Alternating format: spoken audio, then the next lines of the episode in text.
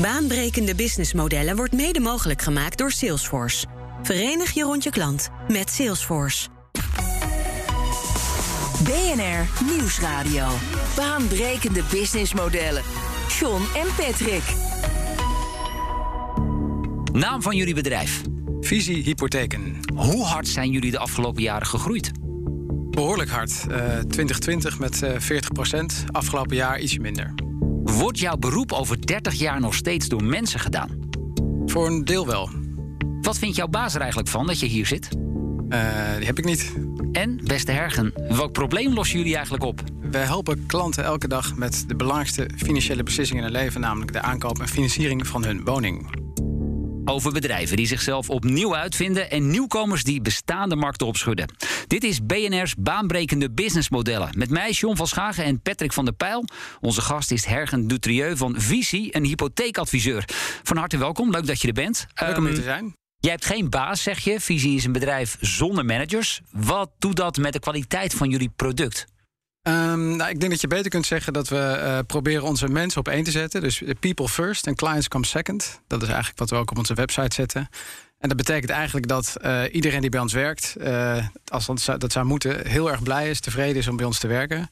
En, en, daardoor worden klanten ook heel erg blij. Dus... Ja, maar je zou je klanten toch altijd op één moeten zetten? Althans, dat wordt ons toch altijd geleerd? Precies, dat zou je zeggen. Van zet je klant op één. Maar juist door je eigen medewerkers, visionairs noemen we onszelf, op één te zetten. Uh, zorg je juist dat je je klanten perfect kunt, uh, kunt bedienen. En dat blijkt ook wel. We krijgen alleen maar lovende, lovende reviews en recensies. En ik geloof zelfs dat we afgelopen jaar nul klachten hadden. Nul klachten? Ja. Wauw. Dat klinkt goed, ja. Nou, dat is best indrukwekkend, ja. Uh, Patrick, wij duiken deze aflevering in de hypothekenbusiness. Um, ik zie vooral een hele traditionele markt met aanbieders. En als je dan hun geld nodig hebt, dan klop je aan bij een tussenpersoon... en die rekent dan ja, een euro of 1800, 2000 voor zijn diensten. Zie ik iets over het hoofd? Ja, nou, ik... Uh zie het altijd een beetje als een soort jaren tachtig businessmodel. Weet je, van zo'n persoon van ik zit ertussen persoon. En ik uh, liep in 95 stage bij NOG-verzekeringen. En um, daar mocht ik een keer mee naar een tussenpersoon. Dus ik was helemaal enthousiast. We stapten met iemand van de buitendienst uh, de auto in. En we kwamen in een woonwijk terecht. En we belden aan. En toen gingen we naar een zolderkamertje. En daar zat die tussenpersoon. Wegmagie. Ja, en um, uiteindelijk zie je ook wel dat de vraag is... ja, vandaag welke informatie kunnen we zelf niet achterhalen of, of uh, uh, vaststellen of uh, beoordelen, zodat je nog een tussenpersoon nodig hebt. Maar hoe houdbaar vind jij dat businessmodel, waarbij je dus betaalt voor het advies van die tussenpersoon? Nee, ik, als ik daar naar kijk dan, um, en je kijkt naar die beginperiode van jaren negentig, waar er nog geen internet was en waar het nog wel echt specialistische kennis was, dan is ook wel de vraag van, hé, hey, um, als je nu kijkt naar vandaag waar je alles online kunt vinden. Um, wat is dan die toegevoegde waarde? Is natuurlijk anders dan die jaren daarvoor. En als je alles kunt automatiseren, ja, gaat het straks dan ook met een klik op de knop? Um, misschien wel. Uh, ik denk van wel. Uh, dus dan zul je ook af moeten vragen van... hé, hey, uh, wat is de rol dan om die tussenpersoon op een andere manier in te vullen? Hergen, wat is die rol? Nou, ik denk dat je misschien even een stapje terug moet, uh, moet nemen. En, uh, op het moment dat iemand naar ons toe komt, dan heeft hij een behoefte. Hè? Dan wil hij zijn huis financieren of hij zoekt een huis. Uh, daar gaat het meeste om. en zeker als je voor het eerst dat doet, is er veel onzekerheid. Kan ik het allemaal wel? Lukt het allemaal wel? En natuurlijk is er een hoop informatie te vinden online. Maar uiteindelijk, um, ja, dat zeggen we ook wel. Je koopt niet een paar schoenen waarbij je klikt en zegt... nou, nu, nu heb ik het afgesloten en ja, als ik de schoenen niet mooi vind, stuur ik ze terug. Want je gaat eigenlijk een, een, een 30-jarig contract aan. Tienduizenden, nou ja, 10.000 euro per jaar betalen bijvoorbeeld. Um, ja, voel je dan wel... Heb je erbij om te zeggen, ik klik, klik, klik. Ik vind alle informatie zelf online. Als je het al kunt vinden, want dat is best wel complex. Um, dus, dus wij merken eigenlijk dat een groot gedeelte van, van de markt zegt... ik wil uiteindelijk toch met iemand om de tafel zitten, een professional die me erbij helpt. En dat heeft met name te maken met het feit dat het om zo'n enorm bedrag gaat. Eigenlijk de grootste financiële beslissing van je leven, zeg jij. Ja, precies. Daarom zeggen we dat ook zo. Uh, dat is het ook. Uh, en daar willen mensen toch vaak gewoon uh, een stukje zekerheid hebben. en daarom ga je naar een adviseur toe. En ik denk dat voor een heel beperkt aantal, of een heel, heel klein aantal mensen geldt dat ze zeggen: ik kan het helemaal zelf alleen doen. Um, maar voor het overgrote gedeelte van de markt, ja, die, die wil graag met een adviseur sparren. Hey, even mijn ervaring met je delen. Ik kocht uh, twee jaar geleden samen met mijn broer en zus een appartement uh, voor de verhuur. En we deden dat op onze, of in ieder geval, ik deed dat op mijn bestaande. Ik dacht dat je met broer en je zus ging samenwonen. Nee, dat, dat, dat niet. Vind ze heel aardig hoor, daar niet van. Voor de verhuur zeg je? Ja, voor de verhuur. Ja. Uh, dus wij kochten een, een, een, een, eigenlijk een Airbnb-appartement. Ehm, ik deed dat op mijn bestaande hypotheek. Nou, er zit best wel wat overwaarde op mijn woning. Alleen ik kon toen niet rechtstreeks zaken doen met mijn hypotheekverstrekker, ASR in dit geval. Ik moest daarvoor naar een, een tussenpersoon.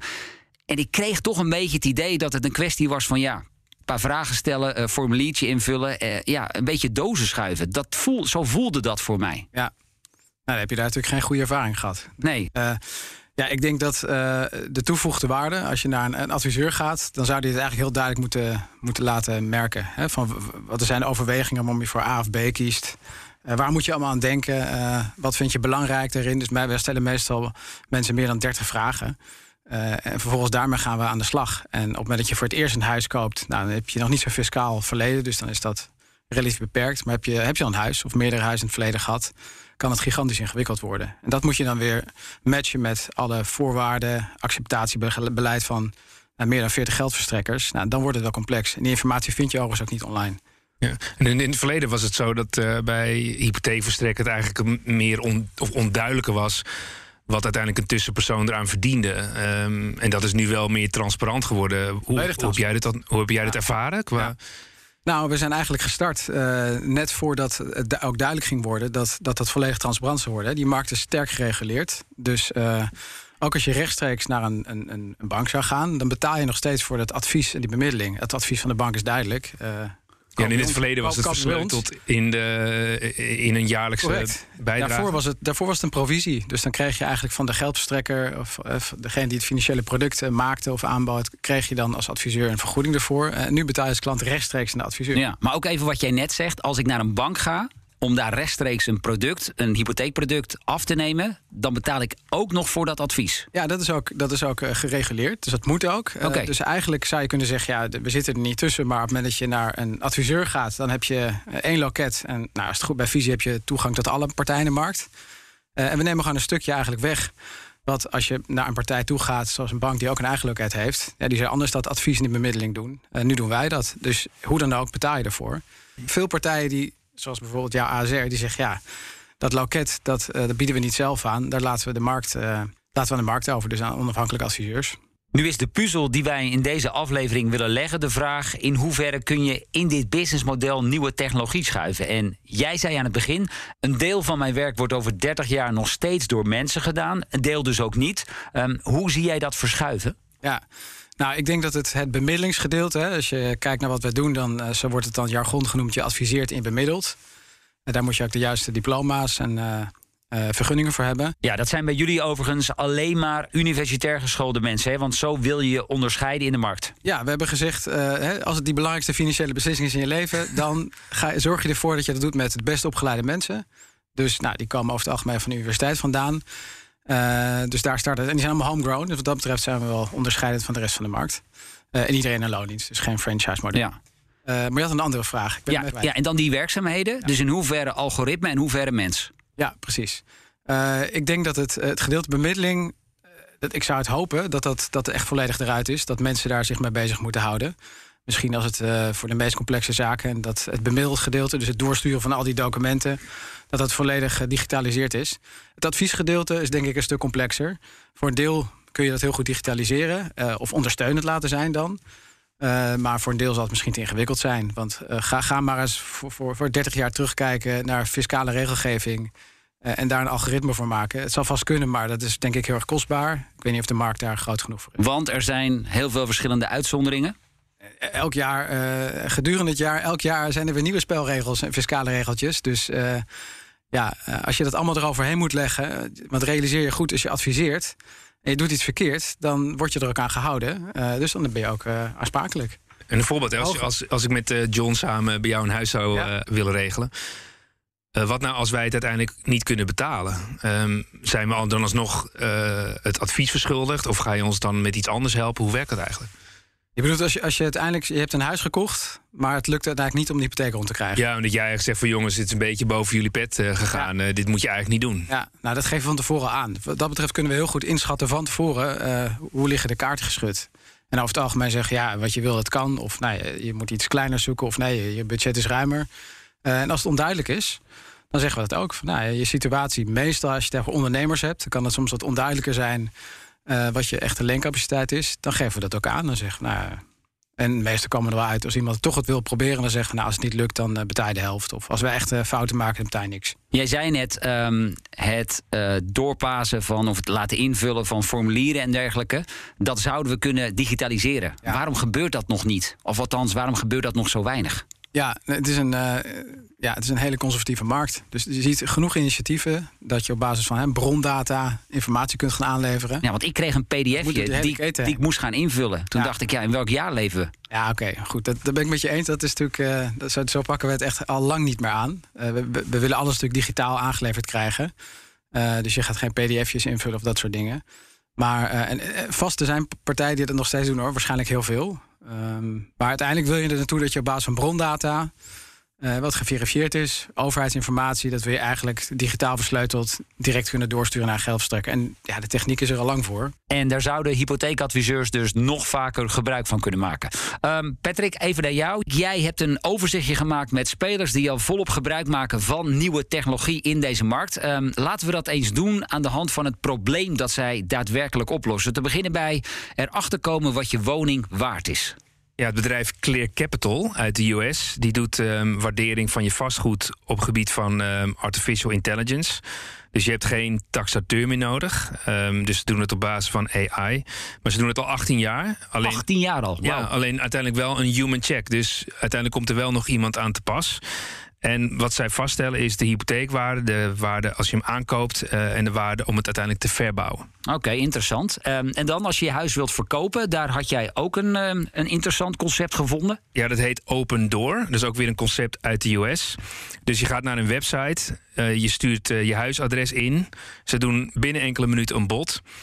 Ze kopen je huis dan al in enkele minuten en daarna staat het bedrag op de bank. Zo, binnen enkele minuten je huis verkocht. Ja, ongelooflijk hè? Dat is nog eens even... Kijk, en de, de downside is ook wel dat mensen zeggen... hey, krijg ik dan wel de juiste prijs? Maar dan zeggen ze, nou, je bent er gewoon snel vanaf. Dus je hebt heel veel zekerheid als je uiteindelijk iets anders wilt kopen. Ja, dat zou misschien in deze oververhitte markt... wat minder goed aanslaan. Maar uh, het is wel een interessant concept.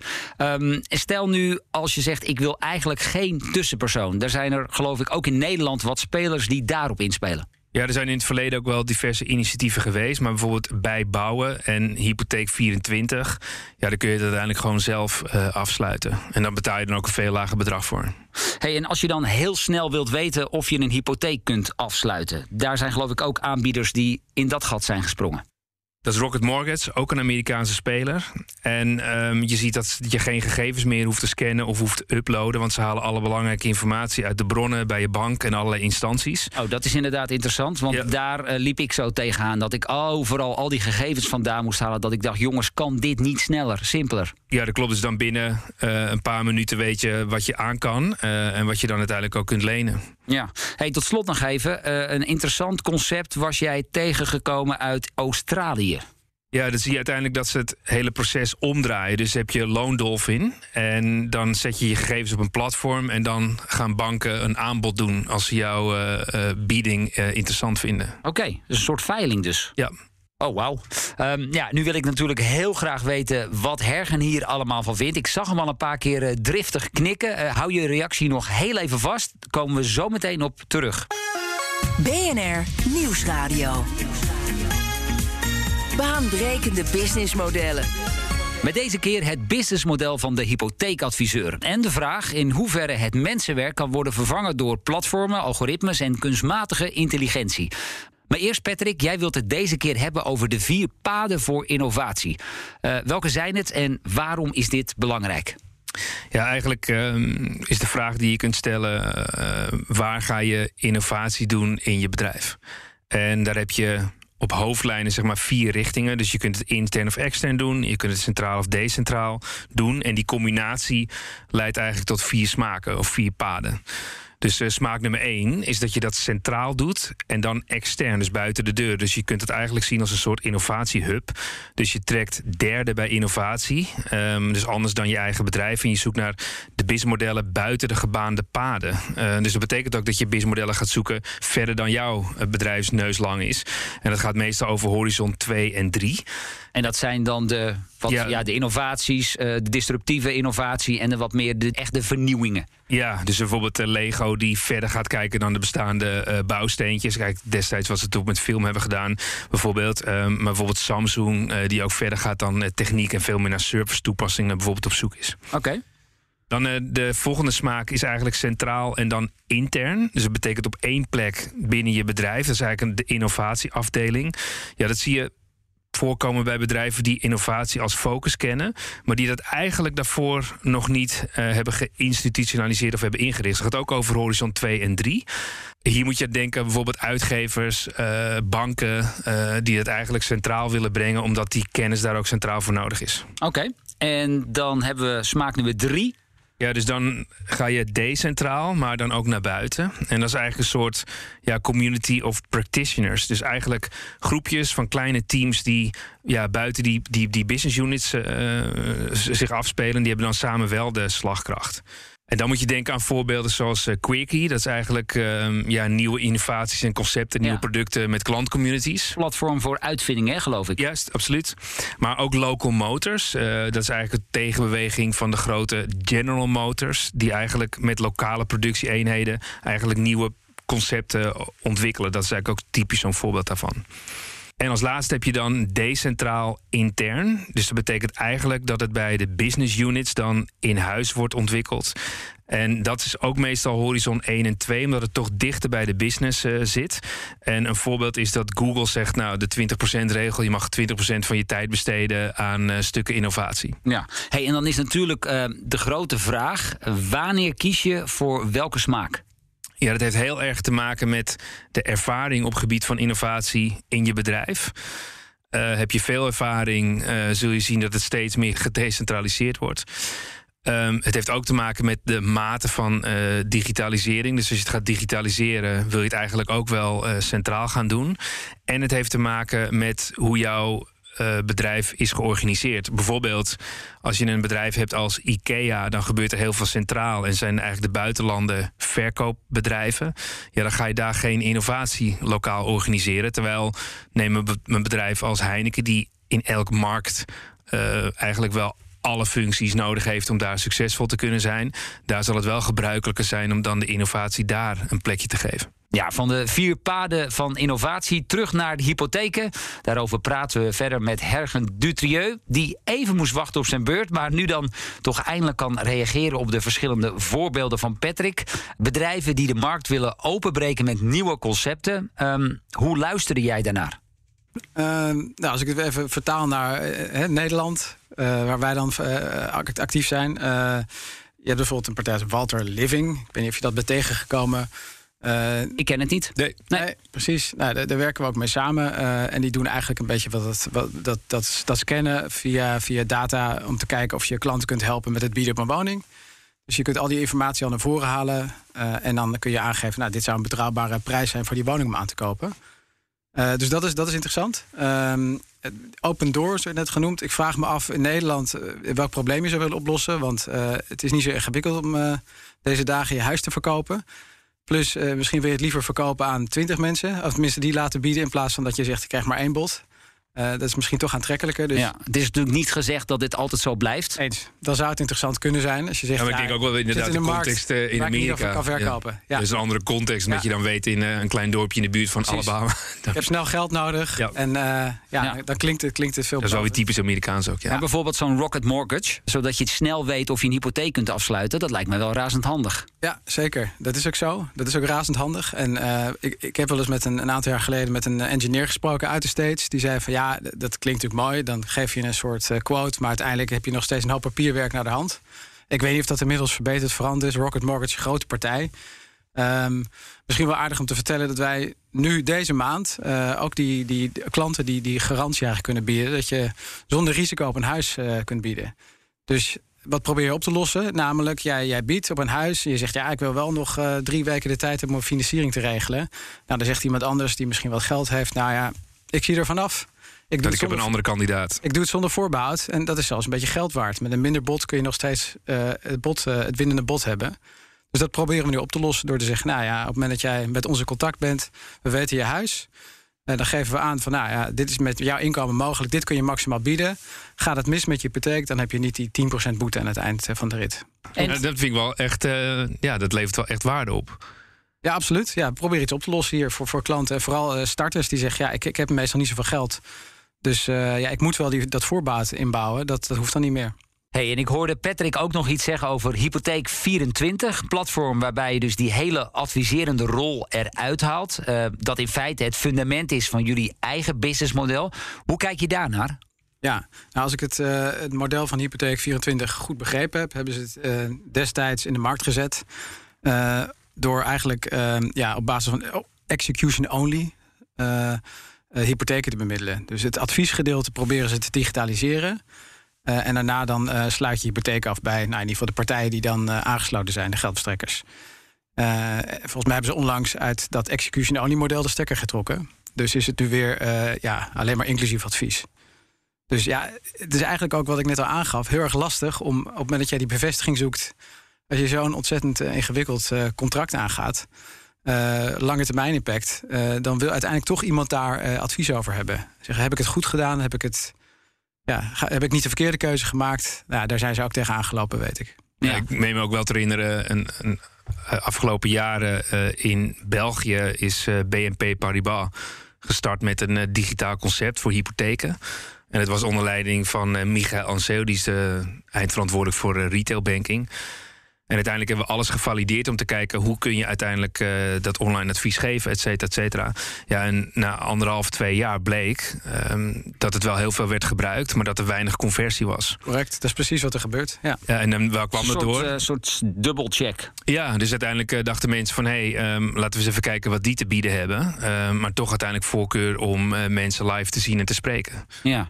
En als ik jouw verhaal hoor, Hergen, is dat ook dat loopt een beetje als een rode draad door jouw betoog ook heen. Is dat dit soort middelen, dit soort platformen helpen ons. Maar uiteindelijk wil je toch nog iemand aankijken. Ja, absoluut. En, en uh, je ziet het natuurlijk altijd gekoppeld worden aan een prijs, prijsmodel. Hè? We gaan een prijsvechter heel laag in de markt zitten. En dan wordt het lastig om daar een, uh, ja, een succesvol businessmodel van te maken. Want iemand gaat dan uiteindelijk toch naar een adviseur. Uh, ik was overigens ook nog een vernieuwer tegengekomen in de branche van hypotheekverstrekkers. Jungo grootste mhm. deel van de hypotheek wordt gefinancierd door institutionele beleggers. En de overige 10 à 20 procent haal je dan op bij de crowd. Mensen in je eigen omgeving. Maar ik zag op de website dat ze op dit moment uh, geen nieuwe uh, leningen meer aannemen. Dus blijkbaar nee. ook dat geflopt. Of althans te weinig tractie. Ja, is des, destijds uh, best jammer dat dat niet, niet, niet succesvol is, is uitgerold. Wellicht dat ze weer terug gaan komen. Ja, als ik er zo naar kijk, dan vind ik het voor de gewone man en vrouw best een ingewikkeld concept eigenlijk. Kijk, je bent afhankelijk, ook zo'n Jungo is afhankelijk van de, van de adviesmarkt. Hè? Van allemaal onafhankelijke adviseurs. Uh, en uh, als die het al lastig vinden om uit te leggen wat je doet. Dus je gaat een deel lenen bij institutionele investeerders. En een deel is dan een soort crowdfunding. Wat je dan parallel gaat opzetten tijdens het, uh, het regelen van je hypotheek.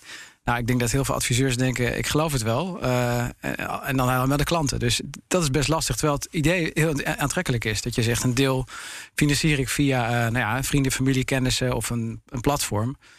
Dus wellicht dat dat nog een keer succesvol wordt teruggebracht. Maar ja, de getallen zijn zo groot in hypothekenland. Hoeveel hypotheken worden er eigenlijk afgesloten per jaar in Nederland? Nou, om, om een beeld te geven voor het volume. voor de particuliere hypothekenmarkt 120 miljard in 2021. Eh, dat klinkt als enorm veel, maar hoeveel? Gigantisch. Ja, ja dan gaat het om 250.000. Dus dan valt het wel weer mee aan, aan transacties. Um, maar het gaat om dat vooral het volume is, is relevant. Omdat ja, dat ga je nooit met particulier spaargeld bij elkaar brengen. Dus dat kan maar een fractie zijn en de rest zal altijd. Ja, plus je hebt er enorm veel administratieve handling uh, aan. Als je dat nog eens een keer erbij gaat halen om dat te ja. administreren. Te dat kun je natuurlijk digitaliseren, dus daar, daar, daar ligt het probleem niet. Ja. Maar het, het zou qua platformen gedacht heel erg interessant zijn om op een gegeven moment te zeggen: aan de ene kant heb ik die, heb ik die klant. En die zegt: Ja, ik heb een uh, goed profiel en een uh, mooi huis gevonden. Uh, wie schrijft erop in? Dus wie doet er aan mee? En dat je op die manier dat bij elkaar brengt. En het zou voor een groot gedeelte institutioneel moeten zijn. dat zou een heel interessant idee zijn. Maar die, die wereld is heel conservatief, dus voordat we daar zijn. Maar ik geloof dat er wel voorbeelden zijn ja. Ik stel me ook zo'n verjaardagsfeestje voor. Ze zeg, hey John, hoe gaat het met jouw beleggingen? En dan zegt John, nou eigenlijk niet zo lekker. Nou, wat dan? Nou, Patrick, jij betaalt uh, je hypotheek niet. En daar heb ik last van. Ja, ja. dat is ook wel weer bijzonder. Ongemakkelijk, ja. Ja, dat is ongemakkelijk zijn. Maar ja, de, klassieke familiebank bestaat natuurlijk al. Hè? Ja. Mag ik nu concluderen dat er gaan dingen veranderen? Dat mensen zelf hun gegevens moeten gaan invoeren? Dat we dat in de toekomst gewoon automatisch uit allerlei databanken gaan halen? Dat dat heel snel geregeld wordt? Die kant gaan we op. Maar het gaat misschien wat langzamer dan Patrick en ik voorafgaande deze uitzending hadden bedacht.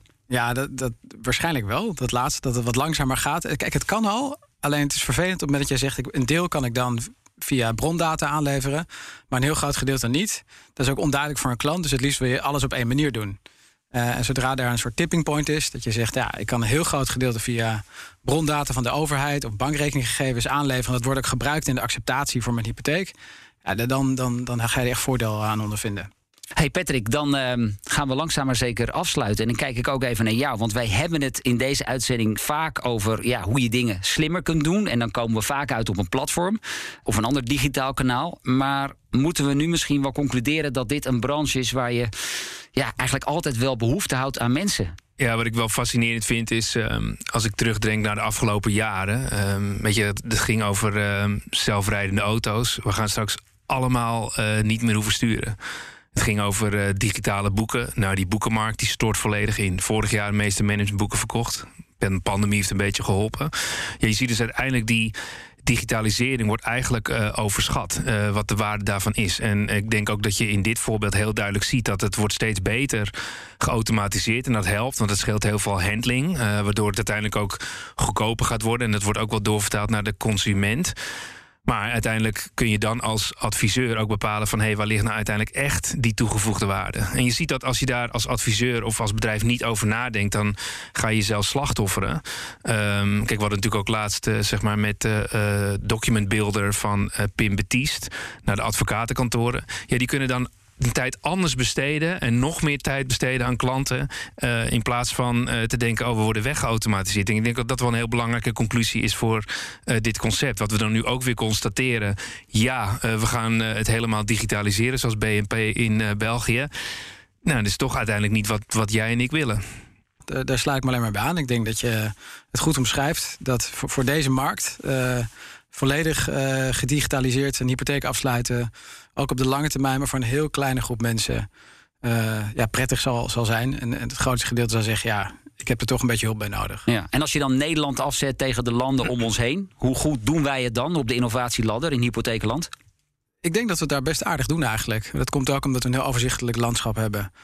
dus de, de geldverstrekkers, uh, de onafhankelijke adviseurs en ja, HDN, dat is zo'n zo'n netwerk waar, waar, waar, iedereen gebruik van maakt om uh, documenten door te sturen.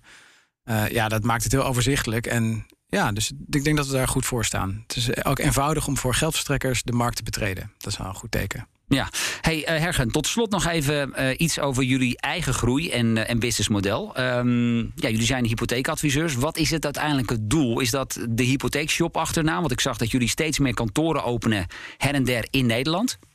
Nou, ik denk dat we onszelf uh, twee doelen hebben gesteld. Het eerste doel is dat we zeggen, we willen een hele goede werkgever zijn. Dus uh, nou, daar zijn we ook goed, goed onderweg, zou ik ja, zeggen. Ik geloof dat iedereen die iets wil leren over holocracy, zelfsturende teams, die moet even bij jullie op de website gaan kijken en even gaan lezen die verhalen die daar ja, staan. Hè? Als het weer kan straks, er zijn zelfs bedrijven die workshops bij ons komen volgen om te kijken hoe, hoe pakken ze het daar bij visie aan. Uh, dus dat is één. En anderzijds uh, ja, denken we ook dat we financiële wereld uh, wel een beetje beter, duurzamer kunnen maken. en, en ja, als er meer naar je geluisterd wordt, dan is het meestal dat je, dat je wat moet groeien. Dus we zeggen ja, we willen graag marktleider worden. En dan kijken we weer verder. Maar dan wordt er ook meer naar geluisterd. En daar heb je dus meer kantoren voor nodig en mensen. Twee assets die ook wel moeilijk te schalen zijn. Althans, moeilijker. Uh, nou, kantoren, dat probleem uh, is de afgelopen twee jaar heel beperkt uh, gebleken. Ja, veel thuiswerk inmiddels. We kunnen, we kunnen, alles op afstand doen, dus dat heeft ons alleen maar veel gebracht, zou ik zeggen. En mensen, ja, dat klopt. Daarom vinden we het ook zo belangrijk om, om als, als, als werkgever-brand steeds bekender te worden. Want daar zijn we van afhankelijk om die ja, young professionals, die jonge meisjes en jongens en meisjes van de universiteit, dat ze het aantrekkelijk vinden om bij, bij Visie te komen werken. Patrick, tot slot. ehm, wat moeten we gaan onthouden aan dit gesprek? Nou, ik had al een, ehm, een conclusie getrokken. Dus over die digitalisering, dat het soms echt wel overtrokken wordt. Ik weet nog dat ik mijn miljoenste boek destijds aan Mark Rutte overhandigde. En die zegt: Jeetje, worden nog steeds, steeds zoveel fysieke boeken eh, uitgegeven.